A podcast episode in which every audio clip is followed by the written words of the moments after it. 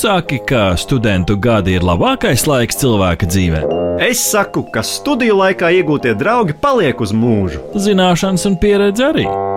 Raidījumā Tu saki par studentu dzīvi, par pirmajiem soļiem zinātnē, par priekiem un bēdām augstskolā, par cerībām un realitāti. Un arī par neko. Tu saki? Par studijām, par zinātni, par studentu dzīvi toreiz un tagad. Radio Naba un Latvijas Universitātes raidījumā Tu saki? Ar dinamosko duo Ahti un Ričiju, jeb Arti un Rihardu. Rihard, kas mums šodien uz galda nolikts?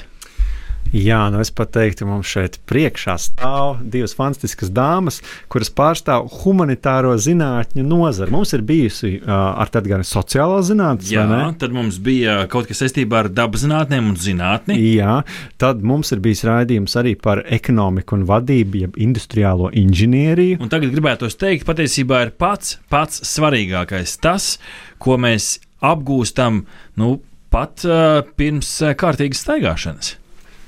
Jā, daudz nozīmīga doma, ko mēs iespējams atšķirtināsim šīs dienas sarunas laikā ar divām burvīgām viesņām. Ar mums kopā ir Sandija Iesalniece, humanitāro zinātņu fakultātes lektore, vācu filoloģijas studiju programmas absolvente, arī strādā Gētas institūtā Rīgā. Un otra viesņa mums ir Signe Vīška, arī vācu filozofijas programmas absolventi, autori un tulkotāji, kultūras literatūras projektu organizatori un dalībniece, sapratu, arī radio un naba literatūras raidījuma bronhīts veidotāji un vadītāji. Kādreizējā, jā, vēl kā saka, nesen. Mēs vienkārši gribam atpakaļ dabūt. Jā, jo nabā jau tā tie cilvēki plūst un mainās. Uh, sveicieni jums! Jā, čau! Labdien! Parunāsim, parunāsim par to valodu, bet pirms tam mums tomēr šajā raidījumā visu laiku iet cauri tāda, tāda tēma, studijas toreiz un, un tagad, un jūs pārstāvat dažādus studiju gadus. Sāksim varbūt ar Sandiju, ar tevi. Kā tu skaties uz mūsdienu studijām? Vai tās ir labākas, sliktākas, kāpēc? Vai toreiz bija labāk? Es jau nevaru salīdzināt, jo toreiz, toreiz es biju studente. Mēs ar Signi pārstāvam, varētu teikt, pat dažādas paudzes. Tāpēc es šobrīd varu tikai no pasniedzējas vai no lektora skatu punkta teikt. Es nezinu, toreiz labākas, nu ir programma savādāka, situācija ir citāda. Mums ir studentu motivācija ir iespējams savādāka. Kā ar tehnoloģiju pielietojumu? Tas kaut ko maina. Studiju procesā Jā. uztaisīt PowerPoint prezentāciju, parādīt studentiem. Vai ne? Agrāk, agrāk tāda lieta nebija. Ja par valodu mācīšanos, tad šobrīd jau arī ir ļoti daudz iespēju tieši par valodu, ja mēs par valodu, valodu mācīšanos runājam, nevis par filozofijas studijām. Tad šobrīd jau ir ļoti daudz iespēju mācīties pašam, pašai, YouTube video skatīties, mm -hmm. mācīties valodu ar kādu ansambli, izmantot aplikāciju ar mm -hmm. virtuālās vai paplašinātās realitātes elementiem. Signa, kā ir šobrīd mācīties? Nu, tikko jau ir absolvēts, nesen, kad svaigas vēl tās sajūtas, kā tas ir bijis. Nu, raibi, es teiktu.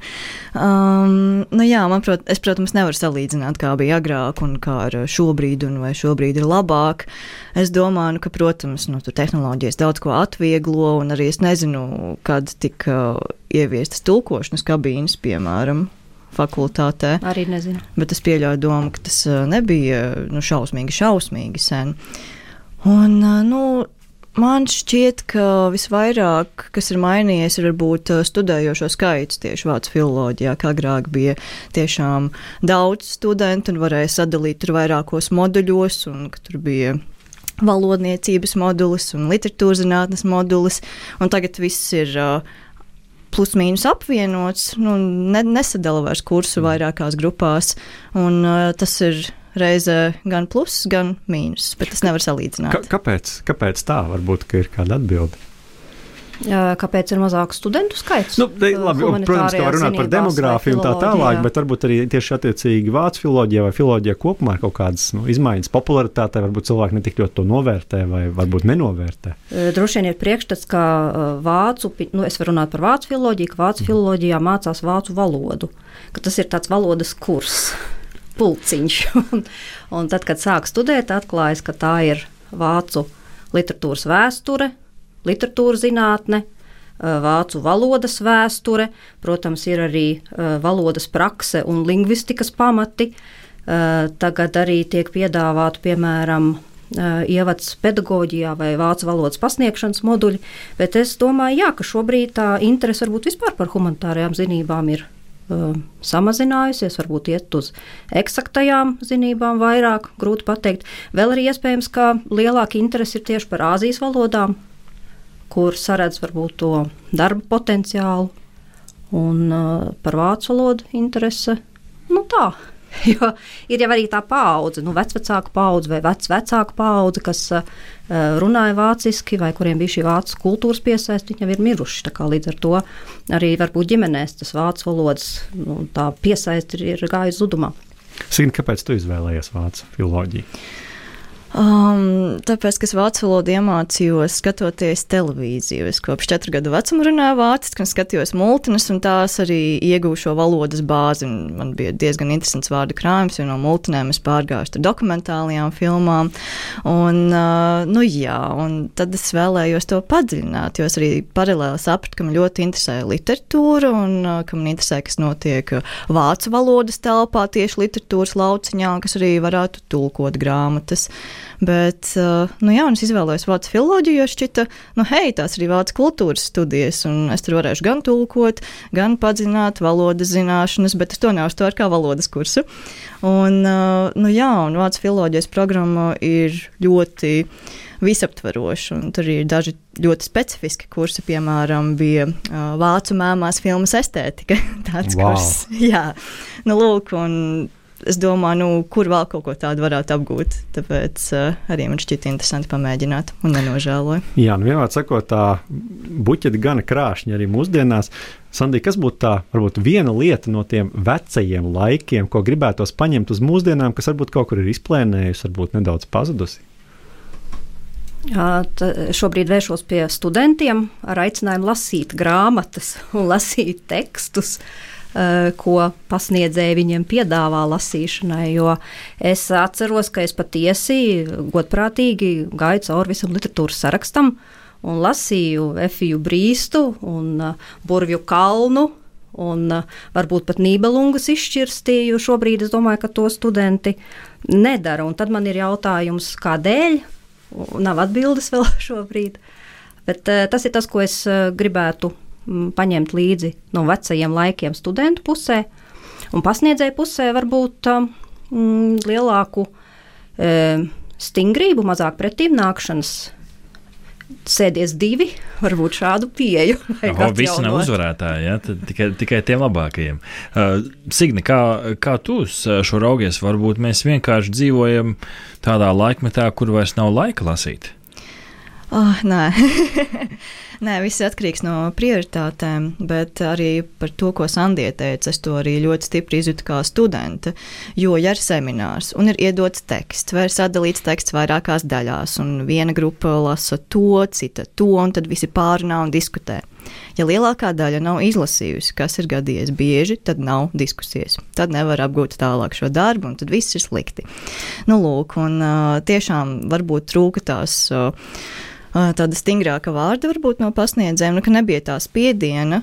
Un, protams, nav runa par to, ka kontrolē vai, vai uzspiež kaut ko, bet uh, tomēr gribējās mazliet vairāk arī disciplīnas no pārējiem studējošiem. Es, protams, arī nebiju tas cilvēks, kas vienmēr, vienmēr, vienmēr visu izpildīja līdz uh, no simt procentiem, bet uh, tomēr, ja tu esi iestājies kādā konkrētā studiju programmā, tad tev arī ir kaut kāda atbildība un uh, jāatbildība pret citiem un arī pasniedzēju. Kāpēc vispār mācīties filoloģiju? Kāpēc tas ir būtiski? Sandija, varbūt. Man pirmā jāatbild uz šo jautājumu. Uh, nu, filoloģija ir, nu, kā lai pasaka, tāda inteliģenta cilvēka uh, pamat, pamatlieta. Jo tas, ko es sākumā teicu, un arī ko, ko Signa papildināja, ka ir kultūras vēsture vai kultūras zinātnes pamati, literatūras vēsture, liter, kultūras vēsture, arī vācu literatūras, kultūras pēdas Baltijā. Piemēram, šādu programmu šobrīd, piedāvā, šobrīd piedāvājam, iespējams, ar mazliet citādu nosaukumu, bet jēga ir tāda, jo Latvijā jau ir ļoti liela šī vācu kultūras piesaiste. Mēs esam izauguši no uh, vācu kultūras. Un, uh, tas cilvēkam, kurš varbūt grib būt vēsturnieks, pētnieks, um, vienalga projektu vadītājs, strādāt ārlietu ministrijā, ja viņam šīs studijas, filozofijas studijas iedod nu, tādu solīdu bāzi, viņš var teikt, jā, es zinu to, to, to, es uzskatu sevi par inteliģentu cilvēku. Protams, tad viņš strādājot šajā vai no ārlietu ministrijā vai Eh, tulkošanas birojā vai nezinu, reklāmas aģentūrā par projektu vadītāju. Viņš, protams, praksē iemācās vēl daudz citas lietas, varbūt viņš vēl pamācās paralēli kādas citas lietas, bet nu, tas šobrīd man šķiet tā ir tāda. Tā, tā, tāds ieguvums ir no filozofijas studijām. Izklausās, Signi, ka tas tāds pamats tālākai karjerai, uz kuras pamat var būvēt. Piekrīt, nepiekrīt? Es noteikti piekrītu, jo man arī daudz ir prasījuši, nu, ko tad dod filoloģija, vai -hmm. tad no filoloģijas, nu, ja tu studē filoloģiju, vai tu vari būt tikai skolotājs, kāda jēga studēt? Vai, vai tikai filologs, tas ir tāds, jā, uzreiz domā, kur strādā filologs? jā, tā kā vai ir kaut kāda filologu, nezinu, biedrība vai kas notiek vispār. Bet, nu, es arī, protams, runāju tikai no savas personīgās pieredzes, bet tieši ar filoloģijas studijām nu, esmu iegūmis to atslēdziņu, kas atvērs ļoti daudzas durvis. Gan uh, pašmāju literatūrā un tulkošanā, uh, gan arī mazliet tālāk. Un es uzskatu, ka valodas bāze un vispār kultūras zināšanu bāze ļoti noder, lai attīstītu arī mazliet uh, citas darbības sfēras, piemēram, sabiedriskās attiecības. Jo cilvēki noteikti grib sabiedrisko attiecību speciālistu, kurš arī, kuram ir tā valodas izjūta un sajēga par to, kas ir nu, tā gaumīgi vai interesanti un kam ir tā uztvere par kultūru. Mhm. Tās vārdu spēks, ja tā var izteikties. Jā. Un tad, kas varbūt vēl ir tās praktiskās uh, filoloģijas izpausmes, tās profesijas, ko varbūt uh, cilvēki sabiedrībā nu, teiksim, labāk pazīst, uzreiz saprot. Nu, teiksim, es sadzirdēju, tulkotājs, ja, tā, jā, tad, skolotājs bija. Mm -hmm. Skolotājs tad, tad bija diplomātiskā, korpus, di, diplomātiskā mm -hmm. korpusa darbinieks noteikti kāds. Jā, uh, Ministru prezidents arī dzan, vai ne, ar filologu izglītību. Tieši tā. Uh, vēl jau arī skolotājs nav nemaz zemā, zemē metama profesija. Nē, šobrīd pietrūks 174 vārdu valodas skolotāji Latvijas skolās, pārējot no uh, tad, tad, uh, Krievu valodas, kā, kā otrās svešvalodas mm -hmm. uz citām valodām no 26. un 27. gada.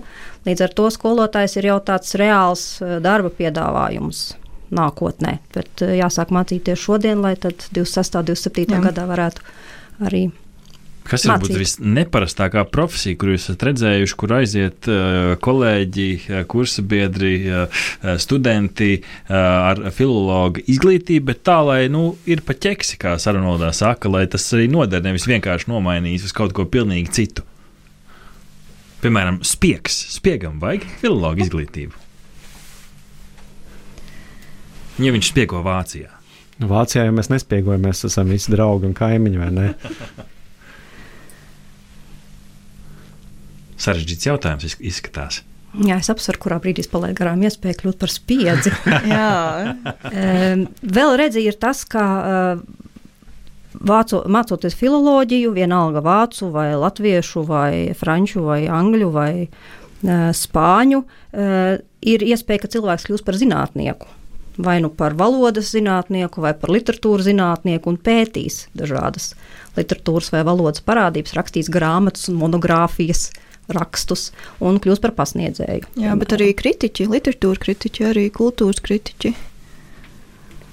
Tā kā iespējas tiešām ir, tiešām ir plašas. Uh, Pašķiet no to jautājumu tālāk par to, um, kā tad var nokļūt līdz studijām filozofijā. Vai ir absolūti pašsaprotami un obligāti, ka cilvēks, piemēram, ir mācījies to vācu valodu um, pamatskolā, vidusskolā, lai viņš varētu startēt uh, vācu filozofijas uh, studiju programmā, vai tomēr ir iespējas arī tiem, kur varbūt ar vācu valodu ir uz jums? Um, nu, šeit atkal es domāju, ja būtu vairāk studentu un būtu iespēja da dalīt tiešām grupās, piemēram, tiem, kuriem ir priekšzināšanas un tiem, kuriem nav, tad tas būtu iespējams un tas pat būtu ieteicams. Bet uh, nu, tas ir diezgan sarežģīti, ja vienā kursā ir uh, ļoti dažādi valodu mm. līmeņi. Principā tad jau, nu, var teikt, pirmajā nedēļā jau ir pilns uh, uh, luis vai e-pasts ar materiāliem uh, vācu valodā, kas jāstudē. Nu, ir tā, ka, piemēram, pirmajā semestrī nu, tur ir kaut kādi arī ievadkursi, un tur atkārtojums, tur gramatika, nu, principā kaut kāda vidusskolas viela, bet arī literatūras zinātnes kurs. Mm -hmm. Un tad tev jālasa teksts un jā, jāanalizē. Bet, ja tu vēl apgūsti valodu, nu, kaut kādā A2 līmenī, piemēram, tad tev, protams, būs krietni, krietni grūtāk. Tas nav neiespējami, bet tas ir uh, diezgan sarežģīti. Mm -hmm. No pasniedzēja viedokļa, kāds ir? Jā, nu, man arī, protams, gribētos, lai visiem studentiem ir vācu valodas zināšanas tādā līmenī, ka viņi spēj lasīt sarežģītus tekstus un diskutēt. Dzīvē šobrīd tā nav, bet arī tie studenti, potenciālie studenti, kuriem nav um, augsta līmeņa vācu valodas zināšanas. Nu, ir tas, ko Signa teica, šī valodas prakse vai sprāhprakses pirmajā semestrī, un tas arī uh, intensīvi tiek turpināts. Man liekas, pirmajā, otrajā gadā pat vēl mm. arī ir. Uh, Jāatkārto valodas pamatus, sarunas tēmas, teikuma struktūru, e, idiomātiku. Un, e, es esmu tiešām dzīvē arī redzējis studentus, kuri pa šiem pāris semestriem lieliski uzlabo savas vācu valodas zināšanas. Ja? Protams, tas ir atkarīgs no paša. Tas neizslēdz to, ka varbūt viņš papildus vēl pamācās vēl. Piemēram, Gaitas institūtā es tieši gribēju teikt, ka daudzi studējošie, kuri saprot, nu, ka viņiem ir grūti un nepietiek uh, ar to, ka viņi atkārto valodas zināšanas uh, studiju kursos, ka viņi tiešām paralēli iet Gaitas institūta kursos, un tā izaugsme ir vū, nu, tāda tiešām milzīga. Man arī bija kursabiedrs, kurš atnāca nu, gan, nu, gandrīz bez jebkādām vācu valodas zināšanām, un tad uh, tas tā izaugsme no pirmā līdz trešajam kursam bija milzīga. Bet mēs runājam par uh, atkārtošanu, uzlabošanu, nevis par to, ka es izdomāju pamainīt pilnībā savu dzīves spektru un tagad izdomāju iet uz vācu filologiem. Tomēr tur tam pamatam, tā pamata izvēle jau ir jāizdara skolas solā esot, vai ne? Nu, nu tas drīzāk, laikam, jā. laikam tā tomēr būtu, jā, jo tikko arī Luis, tas uh, studentu festivālā, mēs jau it kā tā kā, jā, jā, nāciet, nāciet, un dzirdu dekāni sakām, nu, ka tomēr ir vajadzīgs arī zināms valodas mm -hmm. līmenis. Nu, neteikšu, ne, ne tur A1, viens, ne A, A1, 2 vai A, B1, B2, bet jebkurā gadījumā tomēr labāk ir, ja ir, ir valodas pamats. Nu, drusciņ, drusciņ. Mm -hmm. Kā bērnu multfilmām. Kā ar to praktisko pusi studiju laikā?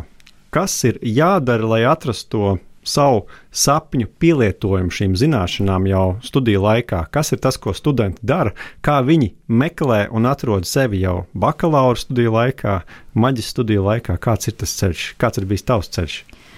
Ui, man bija daudz nejaušību, uh, kas man jāizdalīts tam, kas man tiešām patīk. Mans pētniecības un arī tulkošanas virziens ir bērnu un jauniešu literatūra. Un uh, Vācu filoloģijas programmā nav bērnu un jauniešu literatūras kursa. Un uh, maģistra studijās ir iespēja izvēlēties dažādas kursus arī no citām studiju programmām. Es pamanīju, hei, Balta filoloģija ir bērnu un jauniešu literatūras kurs. Un uh, tad es apmeklēju to un es sapratu, ka šis ir tiešām ļoti, ļoti noderīgi. Un tas ir maģistra darba rakstīju par bērnu un jauniešu literatūru literatūru, bet attiecīgi no vācu filoloģijas skatījuma. Un tas bija tiešām. Nodrīgi. Tad uh, varbūt mēs šobrīd runājam par nākamo mācību spēku, kurš bakalaura studiju programmā varētu piedāvāt kursus par bērnu un jauniešu literatūru vācu valodā vai ģermānistikā. Es nezinu, kā pareizi to sauc. Nu, tas man šķiet būtu viens no tiem superspecifiskajiem kursiem, par ko varētu būt varbūt uh, mazs pieprasījums, bet tie, kas uz turieni tiešām iet un klausītos, tie būtu entuziastiski studenti. Es tā vismaz gribētu cerēt.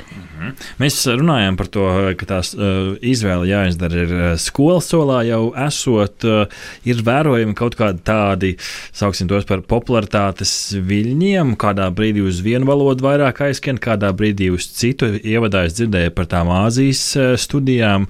Tas ir tāds uh, popularitātes jautājums, ko, kur, kuru valodu virzienu vairāk izvēlās un kas to ietekmē. Kaut kādi pasaulīgie notikumi, pelnīšanas vēlme, kā, uz ko jūs liekat liek lielāku akcentu. Kas ir vairāk, pie kā ir vairāk jāpiestrādā?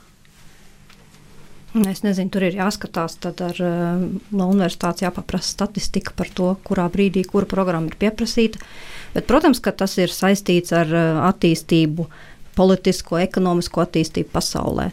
-hmm. Un vai, vai tajā brīdī, piemēram, saredz, ka vācu valodas, valoda dos uh, darba iespējas vai tepat Latvijā vai Latvijā Eh, Vācijā, vai Austrijā, vai Šveicē. Vai kaut vai Eiropas Savienības struktūrās, jo tur jau viss notiek arī tā skaitā vācu valodā, vai ne? Un līdz ar to šiem tulkiem noteikti darbs atrastos, vai ne?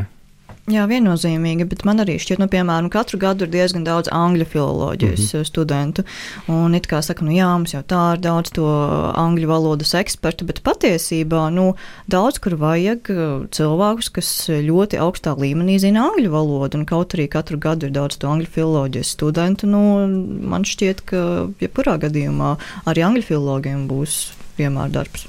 -hmm. uh, parunāsim par vēl vienu aspektu. Mēs abi ar Artiņu piekdienu rītos uh, aicinām visus arī pie digitālo brokastu galda, stāstam par jaunākajām tehnoloģijām. Gribējām vaicāt arī par humanitārajām zinātnēm un modernajām tehnoloģijām. Uh, tehnoloģijas un valodas. Uh, draugs vai drauds? Um, varbūt gan, gan, bet uh, pirmais, kas man iešājas prātā, ir pozitīvi piemēri. Uh, Um, apgūstot vācu filoloģiju, arī ir reizē jāmācās zviedru valoda. Nu, lūk, un, ja, piemēram, man ir Kindle e-grāmata un es lasu grāmatu zviedru valodā, es varu uzspiest uz vārda un uzreiz izlaiž tā kā skaidrojošā vārnīca, un tas var uzreiz mhm. uzzināt, kas, ka, ko tas vārds nozīmē un tā tālāk. Tāpēc tas daudz ko atvieglo. Tehnoloģijas ļoti atvieglo darbu tulkotājiem, jo ir daudz dažādu vārnīcu un var sameklēt dažādas nozīmes, un ir kaut kādi fórumi, kur ir citi tulkotāji un valodnieki, un tad tu vari jautāt dažādas lietas. Un tas tiešām pavērs pasauli plašāk. Sandī, draugs vai draugs? Uh, jā, pareizi māca apieties ar tehnoloģijām, tad noteikti draugs. Tas, ko Signa teica, ir ārkārtīgi interesanti. Arī jā, nu nav jāstāj līdzi vācu latviešu valodas vārnīca Somā, bet var visu ātri apskatīties internetā, tāpat arī tiešsaistē pieejams vācu valodas tieši skaidrojošās, netulkojošās vārnīcas. Un, uh, Pagājušā nedēļa tieši bija jautājums par to, kā ChatGPT ietekmēs, piemēram, valodu apguvi, jo students jau var uzrakstīt esēju, arī izmantojot šo mākslīgo intelektu. Tad viens no tiem piedāvājumiem bija mainīt, ka šīs jaunās tehnoloģijas liek vienkārši mainīt valodas apguves metodes un arī pārbaudas mehānismus. Kad lūdzu, ja tev ir jāuzraksta esēja, raksti to izmantojot mākslīgo intelektu un pēc tam uh, komentē un rediģē šo mākslīgā intelekta sagatavoto tekstu, esēju vai runu un pamato, kāpēc tu atstāji vienu vai otru teikumu vai frāzi. Un, uh, es domāju, ka tas arī ir gudri, nevis izlikties, ka tas neeksistē. Mm -hmm. Uh, šīs jaunākās tehnoloģijas, bet gan uh, saprast, kā tās funkcionē un kā, kurā brīdī cilvēkam ir jāiesaistās. Kā var pārbaudīt viņa zināšanas? Jā, neļauties slinkumam. Cik tev jau ir bijusi iespēja neļauties slinkumam un izmēģināt uh, ChatGPT ar iespējas? Jā, man ļoti palīdz ar darba ēpastiem, uh, kur uh, jāizklausās nu, tā lietišķi, bet pieklājīgi. Pat ja runa ir par nezinu, tādu kavētu deadline vai kaut ko tamlīdzīgu, to pieklājīgi jānorāda. Un tas ļoti nodara angļu un vācu valodā. Un tur arī uzreiz ir tās pieklājības formas un pareizi noformulētie teikumi. Entschuldigung, Sie bitte. Apmēram, jā. Nu, lūk, tas tiešām man nodara komunikācijā. Un, protams, pēc tam izrediģēju to piedāvāto e-pasta tekstu, bet uh, kopumā tas tiešām ir pātrinājis ikdienas darba procesu. Mm -hmm. nu, redz, kā tehnoloģijas uh, nāk mums tālāk, un uh, nu, redzēsim, vai tehnoloģijas mums nāks tālāk spēlē pārvērtēts, nenovērtēts. Jā, patiešām spēle pārvērtēts, nenovērtēts, kur mēs spēlējam, kā raidījumā tu saki, tā arī citās reizēs, kad dinamiskais do ir uz skatuves. Noteikumi pavisam vienkārši. Mēs jums piespēlēsim vārdus, vārdu kombinācijas, un jums būs jāpasaka, vai šis konkrētā lieta, ko mēs jums piespēlējam, vai tā sabiedrībā, jūsu dzīvē, kontekstu varat izvēlēties pašas, ir pārvērtēts vai nenovērtēts. Übervērtēt, or nicht übervērtēt. Cik jūs dosiet Rihardam? Divi? Sēties divi? Nē, ļoti jauki. Ļoti jauki. Nāciet studēt. Ļoti labi. filoloģija. Malts, Rihard. Tad uh, tev, tev ir uh, turpmākā taciņa saulaina. Kā būs jums? Redzēsim šajā spēlē. Pirmā vārdu uh, kombinācija - rakstīšana ar roku. Signe, Nenovērtēts. Sandija, Nenovērtēts. kāpēc tā? Tas taču ir tik skaisti saņemt ar roku rakstītu kartīti Bet vai vēstuli. pēc gar, garas rakstīšanas roka sāp. Nē, ja katru dienu raksta, tad nesāp. Nu, Tos karpālos kanālus tieši jāizkustina, vai ne? Cik bieži studijā sanāk arī ar roku kaut ko rakstīt? Um, studiju procesā kopumā droši vien. Mm, Visu laiku es labāk atceros, ja rakstu ar roku. Un Datorās, protams, var kaut ko pierakstīt, kaut kādas piezīmes, bet tas kaut kur uh, neaizķeras vispār. Jā, man pieraksti ir tikai, tikai es rakstu roku, es nerakstu datorā. Ļoti, ļoti reti, bet uh, problēma ir tāda, ka es vairs nespēju izlasīt pati savu rokrakstu. Labi, nākamais uh, - komati un stils. Sandija, pārvērtēts, nenovērtēts. Nu, nenovērtēts, nenovērtēts. Signe, Nenovērtēts, noz viennozīmīgi. ko var izbojāt viens komats? Uh, uh, nezinu, preses relīzes virsrakstu, piemēram. Labi, Rihard, kas mums nākamais? Nākamais vārds mums ir vārnīca. Nu, kā grāmata tieši tā, tad ar lapām, nevis kaut kur internetā, bet vārnīca kā grāmata pārvērtēts vai nenovērtēts. Arī nenovērtēts. Mm, atkarīgs man šķiet, cik veca ir šī vārnīca. Ir vārnīcas, kuras nav digitalizētas, un tad tās ir uh, nenovērtētas, bet, ja ir piemēram, nu, piemēram dūdņu vārnīca, ja viņi ir digitāli, tad, uh, tad ir ok, ka viņas nav šķirstāmā formātā. Ļoti labi. Kaut kāda viedokļa atšķirība sāk veidoties. Tas man patīk. Nu, eh, interesanti, kā jūs atbildēsiet uz nākamo. Televīzija un filmas, valoda un kultūras apguvē. Sandija, Um, pārvērtētas. Pārvērtēts Signe. Es kā cilvēks, kurš iemācījās valodu tikai no televīzijas, teikšu, ka nenovērtēts.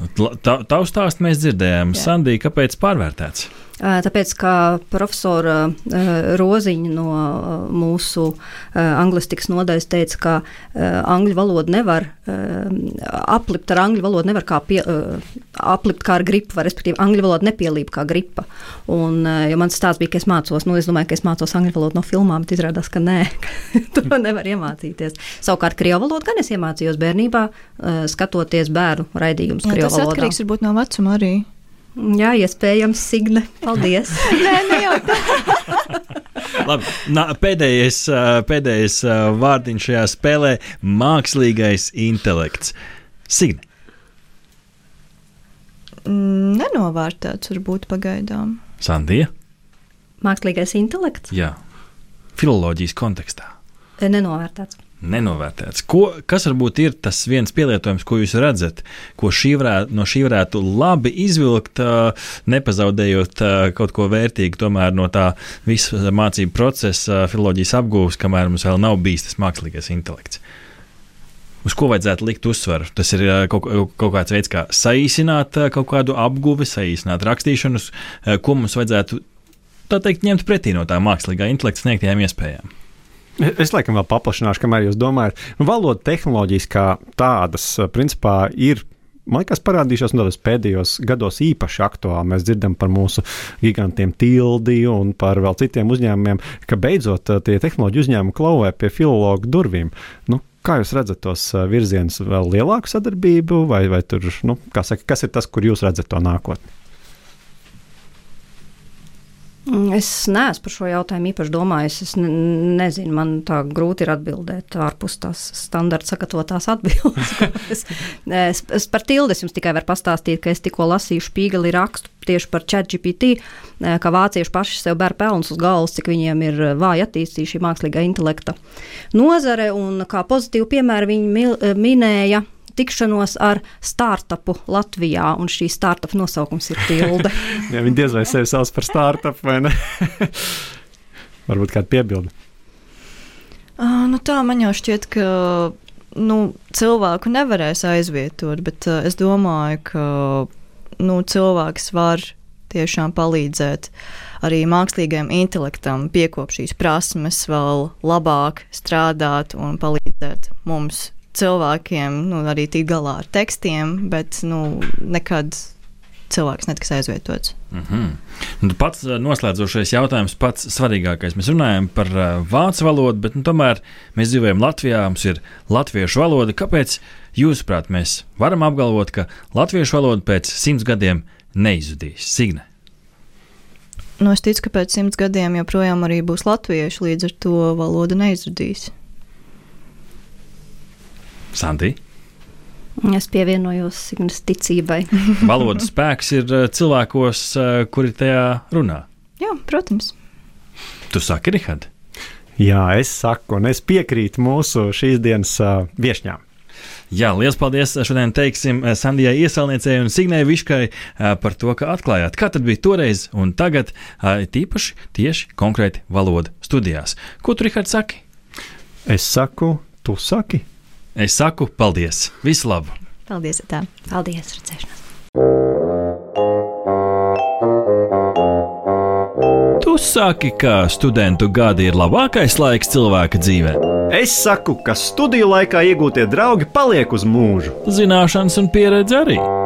Raidījumā tu saki par studentu dzīvi, par pirmajiem soļiem zinātnē, par priekiem un bēdām augstskolā, par cerībām un realitāti. Un arī par neko. Tu saki?